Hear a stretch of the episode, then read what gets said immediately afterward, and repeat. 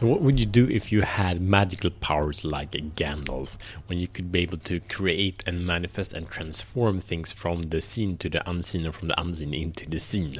So, welcome to Show the Fuck a Minute. My name is Matt Fyron, and this show is for men that are committed to stop playing small and free themselves uh, and to unleash their personal power. We do this with daily challenges that we grow in the four areas that create a meaningful life, being purpose, passion, power, and profit. This is episode 101. So check in on yesterday's episode if you want to go for some celebration and some learnings from this past 100 days. So the issue is that in today's time, life is linear. We have effort and we have a result or cause, and we have effects. And that is true. The world works like that. We have many, many proofs of that. But the, uh, basically that means that we are living in a world of warriors. Warriors take action, execute to create results. And we also live in a world of the archetype magicians, but not the magicians that Gandalf is. We live in an archetype where we have the rational magicians that are able to, through technology, through computer and apps and these things that can create transformation and make things appear from nowhere or as Elon Musk can create you know space rockets and electric cars that no one has seen before. So have a lot of this power. It's effort that creates it. But there is another way. So the the, the problem with this is that we live in the one that works hard gets the most. However, it doesn't lead to success and happiness and fulfillment. Um, so, if you look back in the, in the ancient times and, and throughout the archaeology of, of the humankind, the archetype of the magician of the Gandalf has been the one of, of a guide, has been the one that shows us new worlds with new opportunities where we can see ourselves, our communities, and the world we live in with eyes of, of uh, of miracle basically. And that's the that's the work. And today we don't have that like in in sweden where i live like we don't have church we don't have these sacred ceremonies in, in in that way at all. And and also in many other countries the, the church is not a place for wonder it's still a, a place where we want proof for things. And and when we want proof for things the magic disappears so we live poorer life where we, it's difficult to identify who we are feeling content and landed in, in ourselves. So it creates separation, it creates frustration, and it creates overwhelm. And we know all this what happens when we're trying to work really hard. But there is a solution. So there is actually a lot of mystery going around everywhere.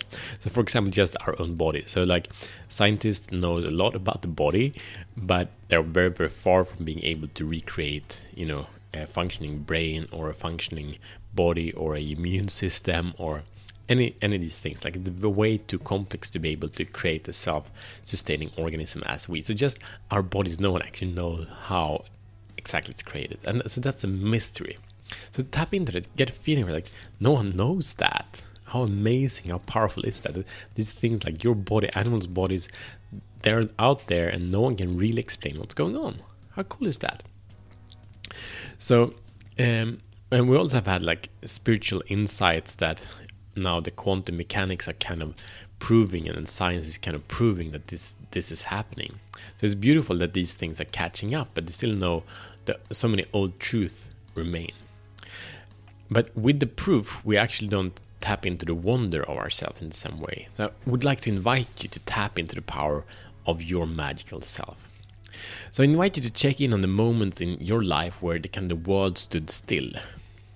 Where you created without effort, or maybe it seemed like you pulled in results, and maybe you you pull, maybe you were, you know, sometimes one feels really not attractive, and sometimes one feels super attractive, attractive to to women or friends or to to money, and and it's just like these beautiful, amazing things just want to be shown up in your life. Did you ever experience that?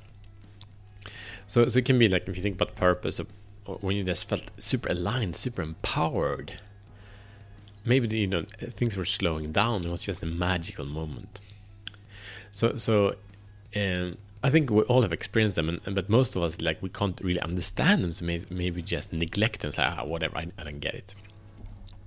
So I want to share quickly a few few such moments for me. So one was when I asked my wife to marry me.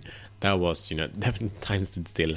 I was super nervous, super overwhelmed, and and it's like I could feel kind of the, the experience, the intensity of the energy. I could feel that in me, but the intensity of the energy of the whole universe was in, present in me at that moment and then also like i love creating new projects or evolving projects and and what happens then is going into deep creativity periods and that's also that thing where where the energy raise a lot and everything that was impossible before if you would have you know have a rational conversation like doesn't work. But then through asking open questions through being curious and so on just things start happening stop moving that we're not supposed to be and then also one really powerful thing that I, I experience magic is when I reframe my own or other people's realities. I had that experience today when I was stuck in a loop of, of destructive thinking. And uh, I just clarified that story. I spoke that story out. I spoke those emotions out. And then I just started laughing, like, wow, that's so ridiculous. I did it with self love and compassion, but it's like, that's so ridiculous. And I started speaking kind of the opposite story and the kind of the healing story and the complete story.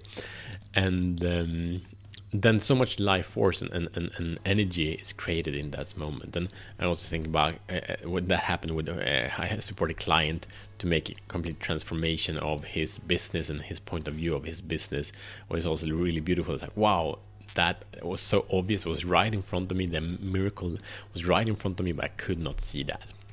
So here's your mission should you choose to accept it.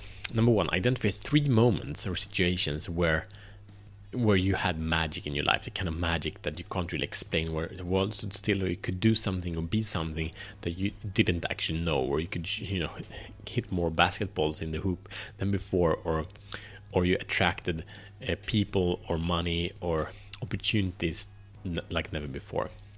Number two, write them down. Down. Number three is to when you're written them down, I want you to connect to the emotional and physical state that you were in.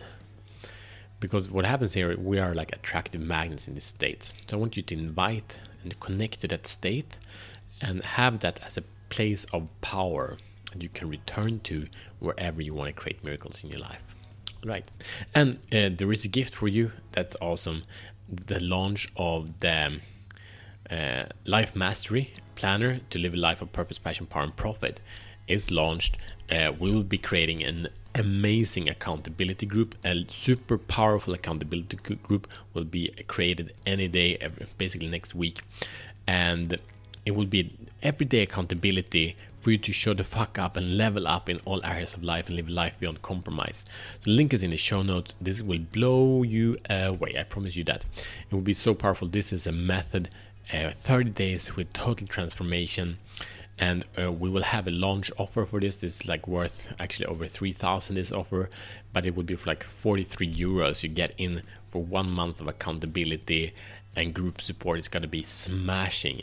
So first step, download the Life Mastery Planner and then check the rest out. You're gonna love it. All right, see you tomorrow as better men.